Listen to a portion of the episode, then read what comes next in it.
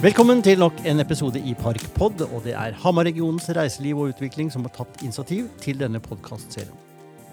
Mitt navn er Lage Tune Myrberget, og jeg får møte ledere og næringsaktører i Hamar-regionen til samtaler her på Park i Hamar. Men i dag en liten twist. Men først. I denne sesongen av podkasten skal vi ta for oss tre temaer. Det er samarbeid, forretningsmodeller og bærekraftsmålene. Og som jeg sa, dagens gjest er nemlig ikke her. Det er for første gang online intervju. Og vi har da kobla oss opp til Vestlandet, hvor Lars Syljusveen sitter. God dag, Lars. God dagen. Velkommen hit. Veldig kjekt å ha deg med. takk. Kjempehyggelig å slå av en prat. Ja, Kult at vi kunne få til dette her. Det er litt uh, nytt for Parkpod å gjøre det på den måten her. Er du bevandra med å sitte i podkaststudioer? Nei, jeg kan si det er um, første gangen. Selv om det er digitalt, så er det første podkasten jeg er med på. Det er veldig gøy. Det er en første gang for alt, Lars. Yes. Du, Din bakgrunn for at du er her, er to spennende ting ved deg. Det ene er at du selvfølgelig er fra Hamar, det er vi veldig glad for. Eh, men du sitter på Vestlandet, i Manger. Stemmer. Manger. Lite tettsted utenfor Bergen. Mm. Og så er det kafédrift og familieselskap kombinert med hiphop-karriere. Yes. Det stemmer. Det stemmer. Du, tematikken her er jo da samarbeid. Og la oss hoppe rett inn i det. Og da har vi en liten vignett her vi- som vi bruker. Det var fancy. Vakkert og drømmende. Du, kafeen deres, fortell litt om hva som skjedde i sommeren 2021 og familiebedriften. Ja, det starta med at uh, foreldrene mine de er glad i å gå turer, og så gikk de ofte forbi Koigen. Så tenkte de at her burde jammen vært noe serveringsmulighet hvis man vil ta seg en kaffe eller matbit. Det er mange som går tur med hundene sine og alt det der. Så da tok vi fatt i den tankepulsen der, gjorde det til virkelighet. Satte opp en sånn pop-up sommerkafé. Så var det mora mi som på en måte er idéskaperen og tok initiativet. Farsan som sto for alt det fysiske og snekra og sto på. Og så delte vi litt på hvem som sto der. Og så var jeg økonomiansvarlig og styreleder. Så gikk det, jeg vil si det gikk veldig bra. Kjempespennende erfaring. Det var et veldig flott initiativ. Ja, absolutt. Når fikk dere ideen? Det mm, Jeg vet ikke helt når mora mi tenkte på det først, men jeg tror det var eh, sikkert på nyåret, tenker jeg. Mm. Vinteren Ja, starten av året her. Så det liksom tuna seg innover i covid-19-nedstengte Hamar, eh, og Yes. gradvis innover mot sommeren, at her må noe skje. Ja, nå må vi få litt uh, god stemning langs Mjøsa her. Er. På den tida, hvor bodde du da? Da bodde jeg faktisk eh, her på Manger. Da gikk jeg på folkehøgskolen her, og så mm, akkurat nå så går jeg andre året som stipendiat, hvor jeg jobber her litt sånn miljøskapende. Mm. Det er ikke kafédrift du driver med da? Nei, men eh, det blir litt sånn regnskap og sånn herfra. Så bare få sendt bilag og sånn. Ja, nemlig. Hvordan har det vært å samarbeide med familien nå? Det har vært veldig kult. Vi um, Livet er jo et samarbeid, kan man si, men um, vi har aldri samarbeida rundt noe sånn businessorientert før. Så det var en veldig fin erfaring. Jeg vil si det gikk veldig bra. Var veldig mye jobb, og det kunne bli mye trøkk, men sånn til syvende og sist så var det en veldig fin opplevelse. Mm. Planleggingen av det her, da? Fram til at du kom over? Det var vel de hjemme som tok seg av, egentlig. Det var mamma som kanskje kan si, lagde forretningsplanen, tenkte hvordan det her skulle gjøres. Mm. Så var det bare noen møter her og der, og så fikk vi det til å skje. Tok steg for steg. Med mattilsyn og alt det der. Ja, nemlig. Mm. Du, For å hoppe litt da over til andre typer samarbeid du gjør. og Da er det plutselig ditt alter ego Lars Bond. Yes. Beskriv deg selv som Lars Bond. Ja, Lars Bond han er en uh, filosof og en eventyrer som er glad i å nyte og leve livet. Han uh, søker spenning, og med musikken hans så vil han spre god stemning og få folk til å danse foran speilet og føle seg selv. Ha det gøy. Kult. Ja. Kan vi si at Lars Bond er en her og nå-type? Ja, det vil jeg absolutt si. Så absolutt. Det er viktig å liksom sette seg mål hvis man vil et konkret sted, og så en plan, men det viktigste av alt er jo å være her og nå, som du sier. Mm. På, samtidig som man beveger seg i riktig retning. Hvordan var da møtet for Lars Bond med forretningsplan og regelverk? Det har gått veldig fint, egentlig. Jeg har vært eh, interessert i sånn business og entreprenørskap hele livet, egentlig. Så første bedriften jeg hadde, var på videregående. Da jeg gikk på medier og kommunikasjon, og så tenkte jeg at jeg kan jo tjene litt penger her, samtidig som jeg hjelper folk med de oppgavene jeg blir lært opp i, sånn bilder og logoer og alt det der. Så startet et enkeltpersonforetak. Så det var en fin opplevelse, og så er det bare balla på seg egentlig med prosjekter og litt av hvert. Ja, nemlig. Du, når du er da artisten Lars Bond, hvordan samarbeider du med folk da? Det er et kontinuerlig samarbeid, egentlig. Det er i hvert fall I musikkverdenen så sies det at 'collaboration is key', og det er jeg helt enig i. Ja, det kan være alt fra at man samarbeider om å skrive låta, til at man får flere artister på den. Du kan samarbeide med en manager. Det er alt mulig. Det er samarbeid hele veien. For det, det er mange som sier at det er self-made, det ene og andre, men man er aldri det, egentlig. Man, det skjer alltid gjennom et type samarbeid. Ofte. Må man bo sammen for å få god samarbeid? Nei, det trenger man ikke. Det, vi her lever jo dagens tid med internett og e-post og alt mulig, som er en enorm ressurs. Her kan man jo samarbeide rundt hele verden hvis man vil. Du har jo denne guttegjengen din. Yes, gaste gutter. Det er en sånn musikkgjeng vi starta opp, musikkgruppe vi starta opp for akkurat ett år siden, faktisk. Så der bor vi alle tre medlemmene på forskjellige steder. Så det tror jeg ikke hadde gått an for noen år siden, men vi bare sender e-poster frem og tilbake med vokaltakes, og så fletter jeg det sammen, og så blir det veldig bra. Overraskende bra. På hvilken måte har du involvert i produksjonen? Eh, vi, så langt har vi kjøpt flest beats. Vi har lagd noen sjøl, men vi kjøper beats, og så bare legger vi masse skisser og sender frem og tilbake. Så blir det til slutt en eh, kul sang. Lars, det er litt artig å se at det er eh, veldig nære relasjoner i de samarbeidene dine. Det er familie på den ene siden, og så er det gode kompiser på den andre. Stemmer. Hvor mye betyr relasjoner for å skape virksomhet? Jeg tror det betyr veldig mye. I hvert fall for meg så merker jeg at relasjoner er noe av det som betyr mest for meg i livet. i hvert fall. Kjempeglad i å prate med folk og, og skape relasjoner og vedlikeholde dem. Og i business er jo det veldig viktig. I hvert fall. Nå på Manger så fungerer du også som lærer. Er en slags Jeg kan, putte det, kan kalle det en fadder. En slags fadder. Det Ja. Mm, fadder. Hva tror du er det viktigste du kan eh, bidra med i den rollen du har nå? Det er her på Manger. Ja. Det er bare å skape god stemning, se folk, prate med folk og finne på hyggelige aktiviteter. Bare bidra med god stemning, egentlig. Ganske enkelt i prinsippet. Du, Vi skal bevege oss over til neste hovedtema, og det er forretningsmodeller. og Da kommer det en vignett. Hvis det ikke hadde vært for pandemi, hadde dere starta med kafé da? Det er et veldig godt spørsmål, faktisk. Det har jeg ikke tenkt over.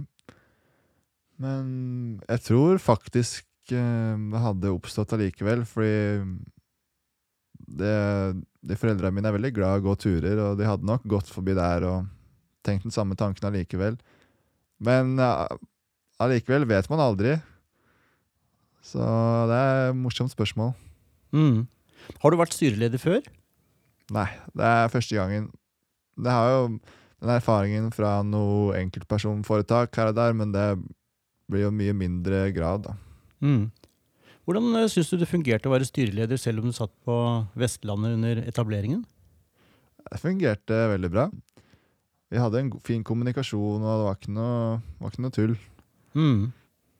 Du, sånn i forhold til artistjobbingen, da. Hva slags eh, forretningsmodell er det dere jobber under? Hvordan fungerer det? Ja, For vår del så har vi lagd en slags Vi kan se på oss selv, artisten eller gruppa, som en bedrift. Og da har vi lagd en forretningsplan for den, hvor vi skriver om visjon og har noen analyser her og der. Og rett og slett later som det var en bedrift, og kjører hele den løypa. Jøss. Det tror jeg ikke er mange artister som gjør i den alderen der. Jeg vet ikke. Det, det gjør oss veldig godt, i hvert fall. Jeg føler alt blir mer solid når man har, det, har en slags oversikt på papiret. Ja. Du, sånn eh, eh, Den gang jeg var ung, 30 år siden, Ja. da var man mye mer avhengig av plateselskaper som hadde distribusjon ut til platebutikker. Mm. Eh, hvordan er det for dere nå? Vi er helt uavhengige av det. det takket være løsninger som DistroKid, eksempel. Som eh, vi bare laster opp låtene våre og betaler en viss sum, og så sender de musikken vår til alle streamingplattformene. Noe som man måtte ha hatt et plateselskap for å gjøre for seg, til å gjøre for seg selv før. Men det slipper vi i dag. Så En slags distribusjonskanal? Ja, det kan man kalle det. Ja. Og så snakka du på at du kjøpte inn Beats. Kan ikke du forklare litt hva det er? Ja, det finnes nettsider som eksempel beatstars.com. Og det ser veldig ut som Spotify, for eksempel, bare at her har folk lasta opp beatsa de har lagd. Og så er det sånn spillelisteutseende på det, så du bare hører gjennom beats, og for eksempel du vil ha en sommeraktig en, eller du har litt nedfor, så du vil ha en trist beat.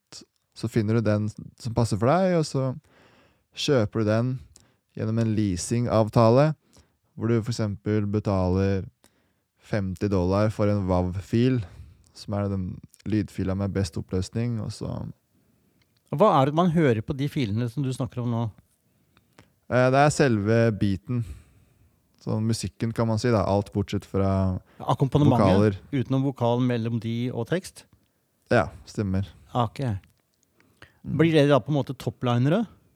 Ja, det, det kan man godt si. Mm. Mm. Hvordan er det dere blir enige om hvilke beats dere skal eh, kjøpe lisens på og jobbe videre på? Vi har litt sånn felles smak, egentlig. Vi er heldige med det. Det er ganske viktig også når man spiller i band, vil jeg si. Mm. Så mm, vi bare sender masse forslag. Hei, den her var litt kul, hør på denne. Og så får, blir det tommel opp eller ned, og så når alle sammen er gira på den, så kjøper vi den og lager en låt. Men Hvordan kommer dere fram til hva slags tekst dette skal være? Det, hva skal man si? Vi bare hører på beaten, og så har vi jo for eksempel våre interesser og opplevelser med oss. Men det er også veldig spontant. Vi bare føler litt uh, hva som går i tråd med beaten og stemninga, og så kommer det av seg selv. Dere har jo en låt som heter Mamacita Mua Bonita. Ja, stemmer. stemmer. Med, det er med Lars Bond, og så er det et samarbeid med to boys fra Oslo. Ok, Det er det er veldig, type veldig kule og flinke. Kan ikke du fortelle litt om det samarbeidet om den låta? Jo, det starta med at jeg fant en eh, saftig beat. Litt sånn eh, sommeraktig latino-vibes. Som eh, var veldig kul. Så tok jeg bare lagde et refreng på den. Så sendte jeg en melding til han som heter Papito Mierda. Ekstremt kul artist. Kanskje mørkeste stemmen i hele Norge. Det er veldig morsomt. Og han han har faktisk 6, over seks millioner streams på den ene låta si, så han gjør det veldig bra om dagen. Jeg sendte en melding til han med refrenget og spurte om han hadde lyst til å hoppe på den, og det hadde han. Så det var kjempekult, og så fikk han med seg kameraten sin Rico Alfredo, som er helt rå på å rappe. Så ble det en uh, kul sang. Litt annen måte å gjøre det på. Ja, mulig. Det er i hvert fall man Det er ikke sånn man gjorde det før, i hvert fall. Nei, altså, Hvordan kjente du disse på forhånd? Det bare prate med dem på Instagram DMs. Det vil si at alt av, eller i hvert fall mesteparten av all kommunikasjon innenfor musikkverdenen skjer på Instagram DMs. Akkurat. Det er helt sjukt. Er det hashtagging som gjør at man fanger hverandre opp da? Nei, det er kanskje jungeltelegrafen. Um, man hører på en, plutselig får man høre en låt, og så sjekker man ut hvem som lagde den, og så begynner Ah. man å følge de, og kanskje sender en melding og sier hei og hå, kul låt, bla, bla, bla. Ja, altså du, du rett og slett oppdager artister og bakmenn også for eh, produksjoner gjennom Instagram. Jeg stemmer. Mm. Så det er hvis man vil eh, slå gjennom i musikkbransjen, så må man etablere seg godt på Instagram. Jeg trodde det var Facebook. Det kan, kan hende det var det før. Nå er det nye tider. Definitivt. Eh, betyr det at dere ikke har nettside? På Lars Bond så har jeg nettside, men det er bare for å styrke brandet. Og det er sikkert ikke lenge til vi får det på gaste gutter heller. Vi får se. Hvis du skal se tilbake eh, på både liksom, eh, karriere, forretningsmodell og, og, og det med å etablere kafé, eh, er det noe likhetstegn mellom måten du lager musikk på og måten dere lager kafé på? Ja, man starter med målet i hodet, kan man si. Man ser for seg hvor man vil være. Hvordan ting vil høres eller se ut når det er på plass. Og så beveger man seg dit over, deler det opp i delmål. Så det er jo en lik prosess, Mm. sånn grunnleggende, selv om det er to veldig forskjellige ting. Og så liker du å lære med å erfare. Ja, det kan man godt si. Det er en nysgjerrig person som liker å prøve litt av hvert. Opp for mange erfaringer. Du, vi skal eh, gå fra forretningsmodeller over til eh, neste mål. Det er bærekraftsmål. Alright. Da blir det litt alvor her. Altså, Hvordan Ja. tenker du eh, i dere, i den aldersgruppa dere er, i forhold til det med bærekraft og klima? Vi har ikke vært så mye borti det når det gjelder musikken, akkurat, men det er f.eks. når vi skal på turneringer, holdt jeg på å si, festivaler og konserter, så går det an å tenke på sånt. Mm.